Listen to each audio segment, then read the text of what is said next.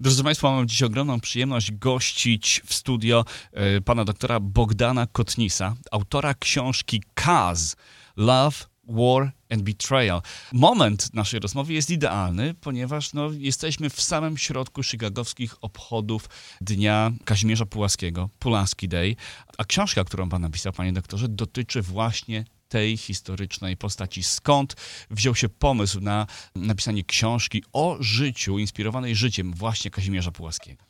Jak wszyscy y, w Polonii leży nam na sercu, jak jesteśmy traktowani w Stanach Zjednoczonych. Mamy kilku wielkich bohaterów, no i są jakby dwa nazwiska, Kościuszko, Pułaski, ale patrząc się na to, jak Pułaski wygląda w Stanach, więc mamy e, kilkanaście miast, które nazywają się Pułaski, mamy autostrady, mamy parady, mamy muzea, no więc pomyślałem, że Pułaski to byłby dobry początek, żeby e, pokazać, co się dzieje, szczególnie teraz. Jest wojna w Ukrainie, więc mamy takie okienko, jakby, że świat się na nas patrzy. I dalej Rosjanie prą na zachód. I tak naprawdę jest to ta sama wojna, w której walczył Kazimierz Pułaski w Polsce pod koniec XVIII wieku i w tym samym miejscu. E, także uważam, że i dla nas, i dla Amerykanów e, jest to rzecz ważna, żeby popatrzeć się na, na tę wojnę i na to miejsce nie oczami ekspertów z Francji czy Niemiec, tylko e, porozmawiać z Polakami, Ukraińcami i stworzyć naprawdę jakąś taką wartość, żeby ci Rosjanie wreszcie przestali zagrażać Europie i światu. Sama książka nie jest książką stricte historyczną. Nie jest to biografia, nie jest to analiza czasów, okresu historycznego. Jest to powieść, jest to książ, jest to przykład beletrystyki. A dlaczego wybrał pan takie akurat podejście do analizy e, osoby Kazimierza Pułaskiego? Jest taki autor e, znany e, Polonii tak samo, nazywa się James Conroy Martin. On, on napisał taką, taką świetną trylogię polską i napisał też recenzję tej książki na Amazon i powiedział, że jest to właściwie hybryda, y, takie złożenie książki historycznej i właśnie książki przygodowej. I taki też miałem pomysł, żeby nie zanudzać historią, e, zrobić tę postać fascynującą, taką trochę Janosik James Bond, ale jednocześnie przemycić e, masę faktów historycznych. Jest tam około 100 postaci historycznych, e, no i kilka postaci dołożonych, żeby to się spinało i fajnie się czytało. Kazimierz Pułaski to fascynująca postać, której przyszło żyć w fascynujących czasach. Proszę opowiedzieć o realiach, w jakich żył Kazimierz Pułaski właśnie w XVIII wieku. Może powiem tak, że y, my żyjemy w tych czasach dalej i my Polacy mamy, bo to zależy jaką się ma świadomość, prawda? My się obracamy y, w przestrzeni tysiąc lat. Każdy wie, kiedy był chrzest Polski y, i każdy wie, który król co zrobił mniej więcej. W Stanach Zjednoczonych się ludzie obracają w przestrzeni 200 lat, prawda? I oczywiście jest to, że ważne jest to, co się dzieje dzisiaj. Więc mamy tę wojnę znowu, prawda? Mhm. Natomiast ten koniec XVIII wieku, y, wielkie imperium, y, wielka, y, wielki eksperyment demokratyczny, Rzeczpospolita Polska obojga narodów upadała po 800 latach fenomenalnego rozwoju, gdzie myśmy jako Polacy starali się nawiązywać kontakty z naszymi sąsiadami i tak budować na, naszą siłę. I udało nam się i z Czechami, ze, z Chrztem i potem z y, Litwinami. No nie udało nam się ze Szwedami, nie udało nam się z Niemcami. Natomiast była to świetna próba. I teraz jak to się rozpadało, to tworzył się nowy kraj, Stany Zjednoczone. Atlantyku. E, I ten Kazimierz Pułaski, e, no jakby był zesłanym jako taki zwornik, który łączy te, te dwa pomysły. I no i chociaż się świat tak jakby toczył, że były siły, które oddzielały Stany Zjednoczone od Polski, to jednak dalej to wszystko się razem spina i dzisiaj mamy naszych amerykańskich żołnierzy w Polsce na czołgach Abrams e, i w samolotach, prawda? Czyli to, co Pułaski zaczął jadąc do Stanów i walcząc o, o niepodległość Stanów, jest dalej kontynuowane, tylko w drugą stronę. I teraz jeszcze takie pytanie Państwu zadam. Pierwszy amerykański generał, który walczył z Rosjanami. No oczywiście Kazimierz Pułaski. Wtedy jeszcze nie był generałem amerykańskim, jak walczył, ale jednak był generałem amerykańskim. Kto będzie drugim generałem amerykańskim, który będzie walczył z Rosjanami? Oby takiego nie było. I myślę, że jeśli Waszyngton zrozumie do końca i wytrzyma to, co y, zaczął, prawda, czyli tę wojnę praxi y, na Ukrainie, to mam nadzieję, że może to dla Polski będzie następna era 100 lat y, niesamowitej prosperity. Także za to trzymam kciuki i mam nadzieję, że ta książka otwiera e, oczy ludziom i to tak my jako Polacy my doskonale to wszystko rozumiemy.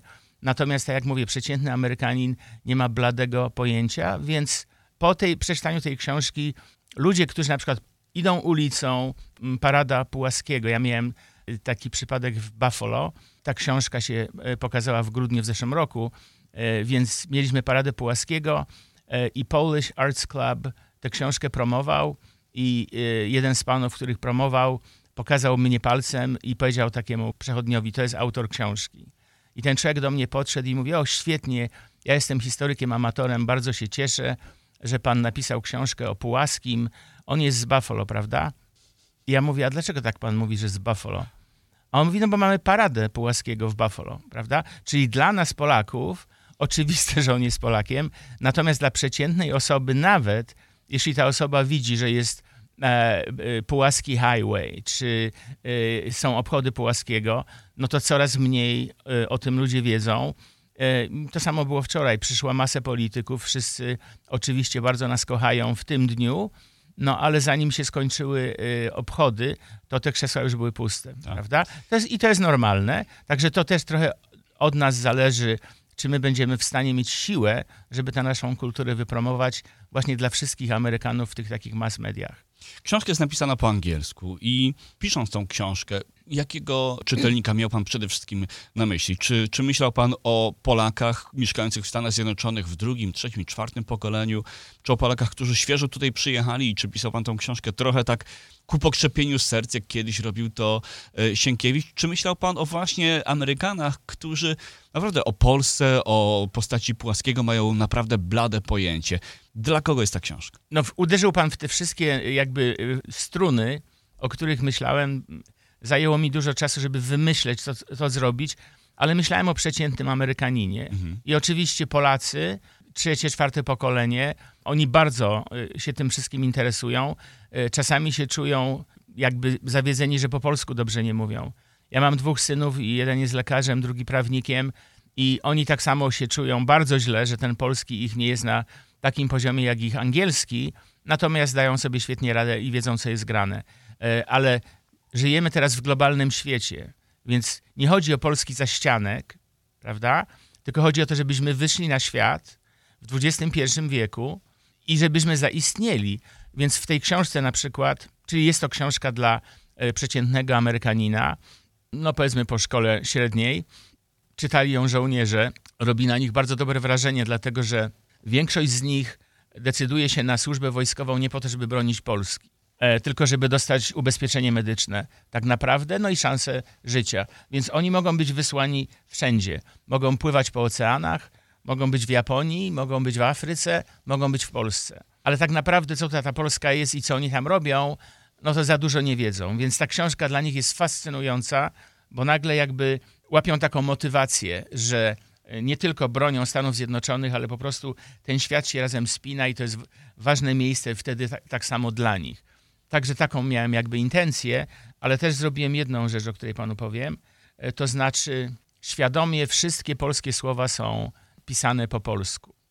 Czyli e, jest Warszawa, e, jest Królewiec, jest Stanisław, jest Kazimierz i niektórzy ludzie mówią, o pomyliłeś się, nie przetłumaczyłeś tego na angielski. Nie, nie pomyliłem się, dlatego że żeby zaistnieć jako kultura uznana teraz globalnie, to powinniśmy się popatrzeć na przykład na języki takie jak francuski, e, hiszpański, hebrajski, niemiecki, więc tam się wszystko nie tłumaczy na angielski, tylko się mówi w tym e, oryginalnym brzmieniu, a my jesteśmy traktowani jako ta e, kultura kolonialna, to znaczy zdobyta, skasowana, no i my się mamy uczyć, jak się wymawia polskie, e, polskie nazwy. E, I rozmawiałem z paroma przedstawicielami władz w miastach, które nazywają się Pułaski i oczywiście oni mnie uczyli, jak się wymawia Pułaski, e, czy to jest Pulaski i w niektórych z miast, jak zadzwoniłem, naprawdę nie wiedzieli, kto to jest Pułaski. Podtytuł książki to Miłość, wojna i zdrada. Proszę powiedzieć pokrótce, może bez zdradzania szczegółów fabuły, żeby zostawić to naszym czytelnikom o właśnie tej miłości, wojnie i zdradzie, które są obecne w książce. Panie Łukaszu, zdradzę panu tajemnicę, bo nam się dobrze rozmawia, więc wymyśliłem Kazimierzowi Pułaskiemu e, kobietę i tak naprawdę jest to symbol jakby Polski, bo on ją musi zostawić, prawda? Więc y, też myślałem o, o tym, jak jej dać y, na imię. No jest, została Helena, bo Helena się pojawia od, gre, od greckich czasów. To znaczy jest to też taki jakby symbol, y, symbol miłości. I jest taka scena, kiedy Helena się spotyka z Kazimierzem i ona go zaprasza na pole y, jagodowe. I karmi go jagodami, i te jagody spadają na jego y, ubranie i mu plamią to ubranie. I ona pamięta go właśnie z tego pola jagodowego i nazywa go jej jagodowym rycerzem, więc kobietom się to bardzo podoba. E, więc tak, jest to, to jest ten wątek właśnie jakby romansowy i ta miłość jakby pokazana właściwie no do, do Polski, do tego wszystkiego, co on musi za sobą zostawić. Zostawia niesamowity majątek, tak naprawdę rodzina się e, poświęca, jak zaczyna się Konfederacja Barska, ojciec mówi do swoich trzech synów, chłopcy, walczymy do końca. I z bardzo bogatej rodziny, która była właścicielami 14 miast, 108 wsi, zostali z niczym. I po roku walki ojciec umiera. Był w więzieniu tureckim i potem w więzieniu się nabawił choroby i umarł po prostu. Jeden z jego braci umiera. Kazimierz umiera w Stanach Zjednoczonych po paru latach i cały ten majątek ogromny się rozsypuje. Także oni to y, jakby złożyli na, w ofierze kraju, walczyli do końca. No i pamiętajmy, że jak Pułaski wyjechał z Polski, to potem zaczął się e, pierwszy rozbiór Polski, prawda? Także my przez ten cały czas, te wszystkie narody, najeźdźce jakby, starały się wygumkować Polskę i wiemy, że e, nawet się nie używało nazwy Polska. Rosjanie mówili na to Pri-Wislanski kraj, czyli kraj nad Wisłą.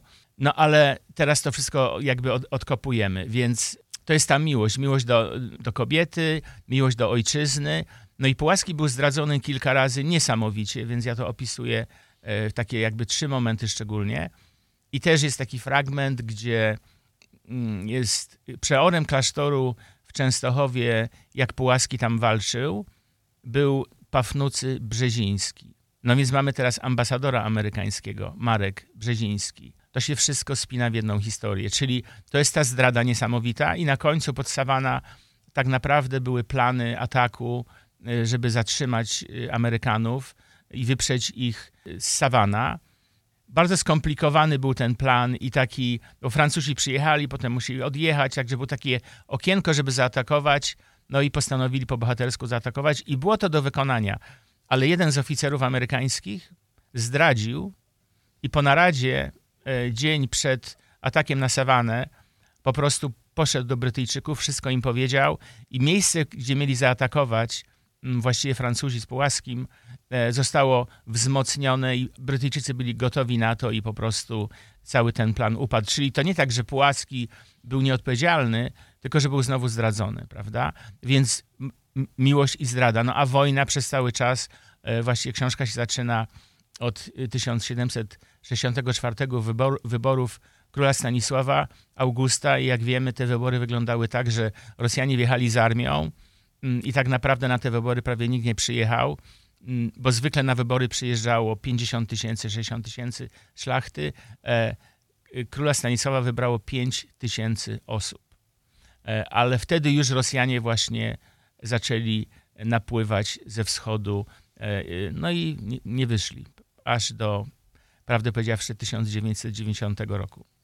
Bardzo bolesny okres historii i Myślę, że takie czasy rodzą właśnie takich ludzi jak Kazimierz Pułaski. Bardzo gorąco zachęcamy Państwa do tego, żebyście sięgnęli po tą książkę Kaz, pisane K-A-Z, Love, War and Betrayal. Panie Bogdanie, w jaki sposób nasi słuchacze mogą zakupić tą książkę? Gdzie można ją znaleźć? Więc książka jest wydana w witrynie Amazon. Jest globalny jakby zasięg, czyli tutaj w Stanach to jest amazon.com, w Polsce to jest amazon.pl. Mhm i jest w formacie zarówno książkowym, e, jak i w formacie Kindle, e, więc można e, ją sobie czytać na czytnikach. Powiem też tyle, że wystarczy teraz wejść na witrynę Amazon, jak ktoś ma telefon, i napisać tylko trzy litery K, A, Z, KAZ. No i ta książka się pokaże tam. No i decyzja jest bardzo prosta. Jeden guzik i po paru dniach książka jest w domu.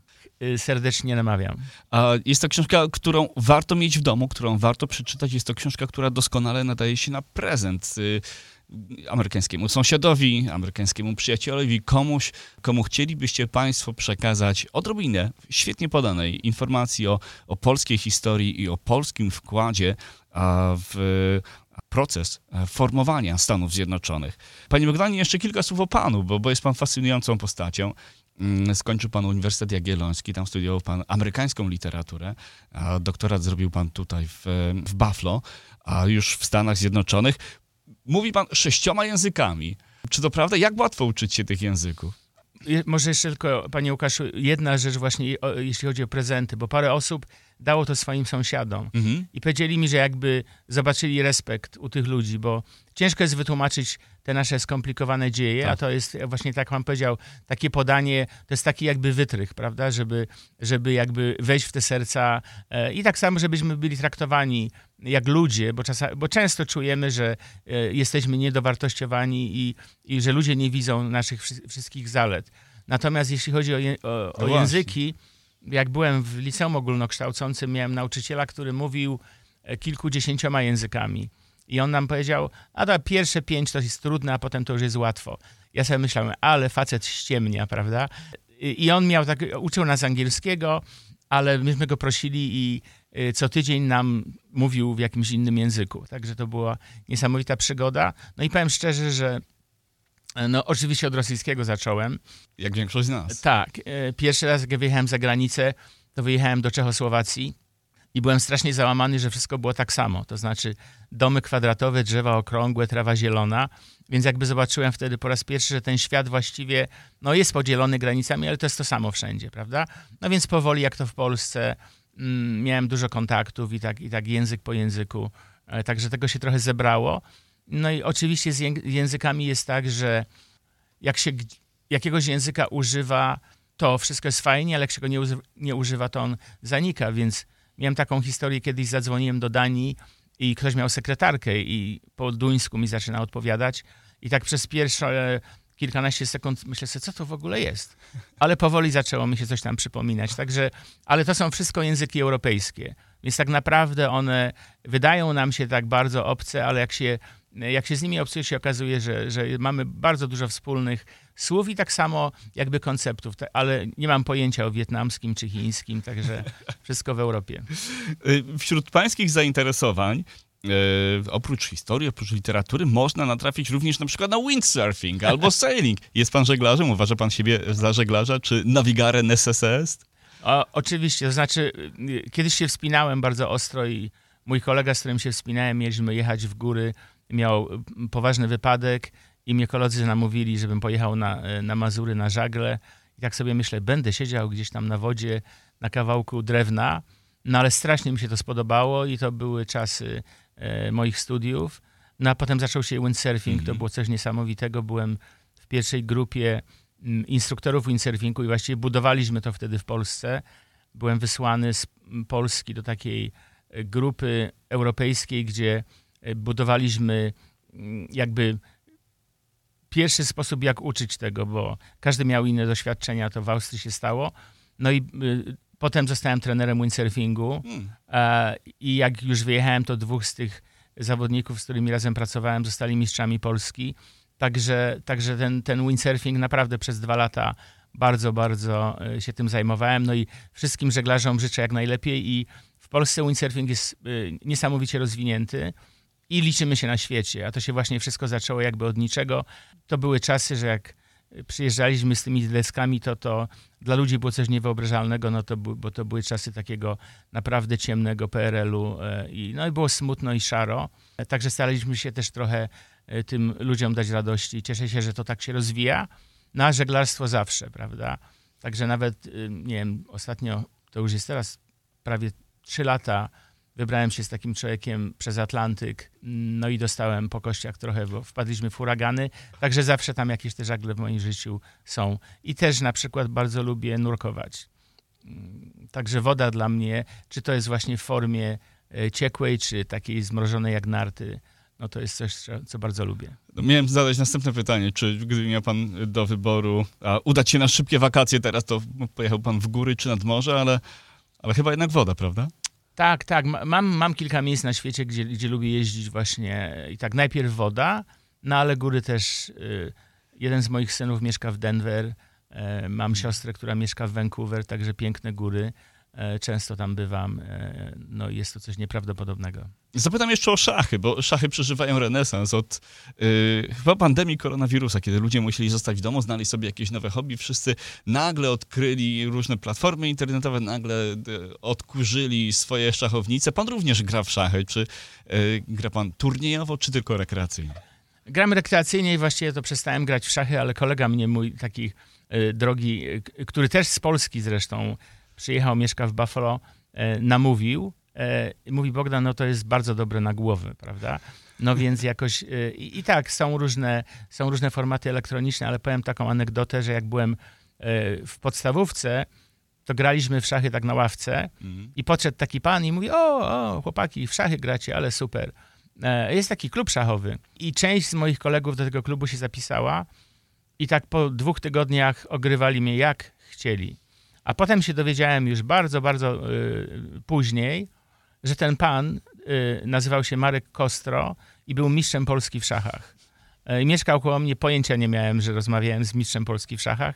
No, Andrze, y, Andrzeja Krzysztofa Dudy nie znam, ale oglądam to, co on robi, jest rewelacyjne po prostu. Także e, szachy polecam, e, naprawdę warto. I teraz szczególnie no, jest tak łatwy dostęp do, do tego, można grać ze wszystkimi na całym świecie. jest. E, No i to jest duża frajda. Świetnie. Drodzy Państwo, mieliśmy ogromną przyjemność gościć w studio pana Bogdana Kotnisa, autora książki Kaz, Love, War and Betrayal, fantastycznej powieści e, inspirowanej postacią Kazimierza Pułaskiego, postacią, którą no, czcimy, jakby nie było w ten sposób. Panie doktorze, bardzo serdecznie dziękuję za wizytę mm, i mam nadzieję, że do szybkiego usłyszenia. Dziękuję panie Łukaszu chciałem podziękować Chicago, bo tak przyjechałem na zaproszenie właściwie prezesa Niedzińskiego, prezesa Kongresu Polonii Amerykańskiej e, Illinois Division. Bardzo mu za to dziękuję. Znalazł mnie w Miami i powiedział, absolutnie musisz przyjechać, obchodzimy Pułaskiego, przywieź książkę.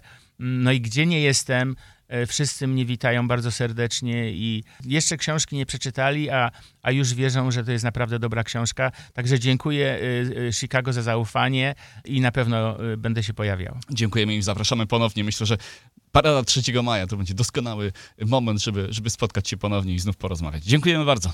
Dziękuję. Redakcja Dziennika Związkowego w każdą sobotę w Radiu 103.1 FM.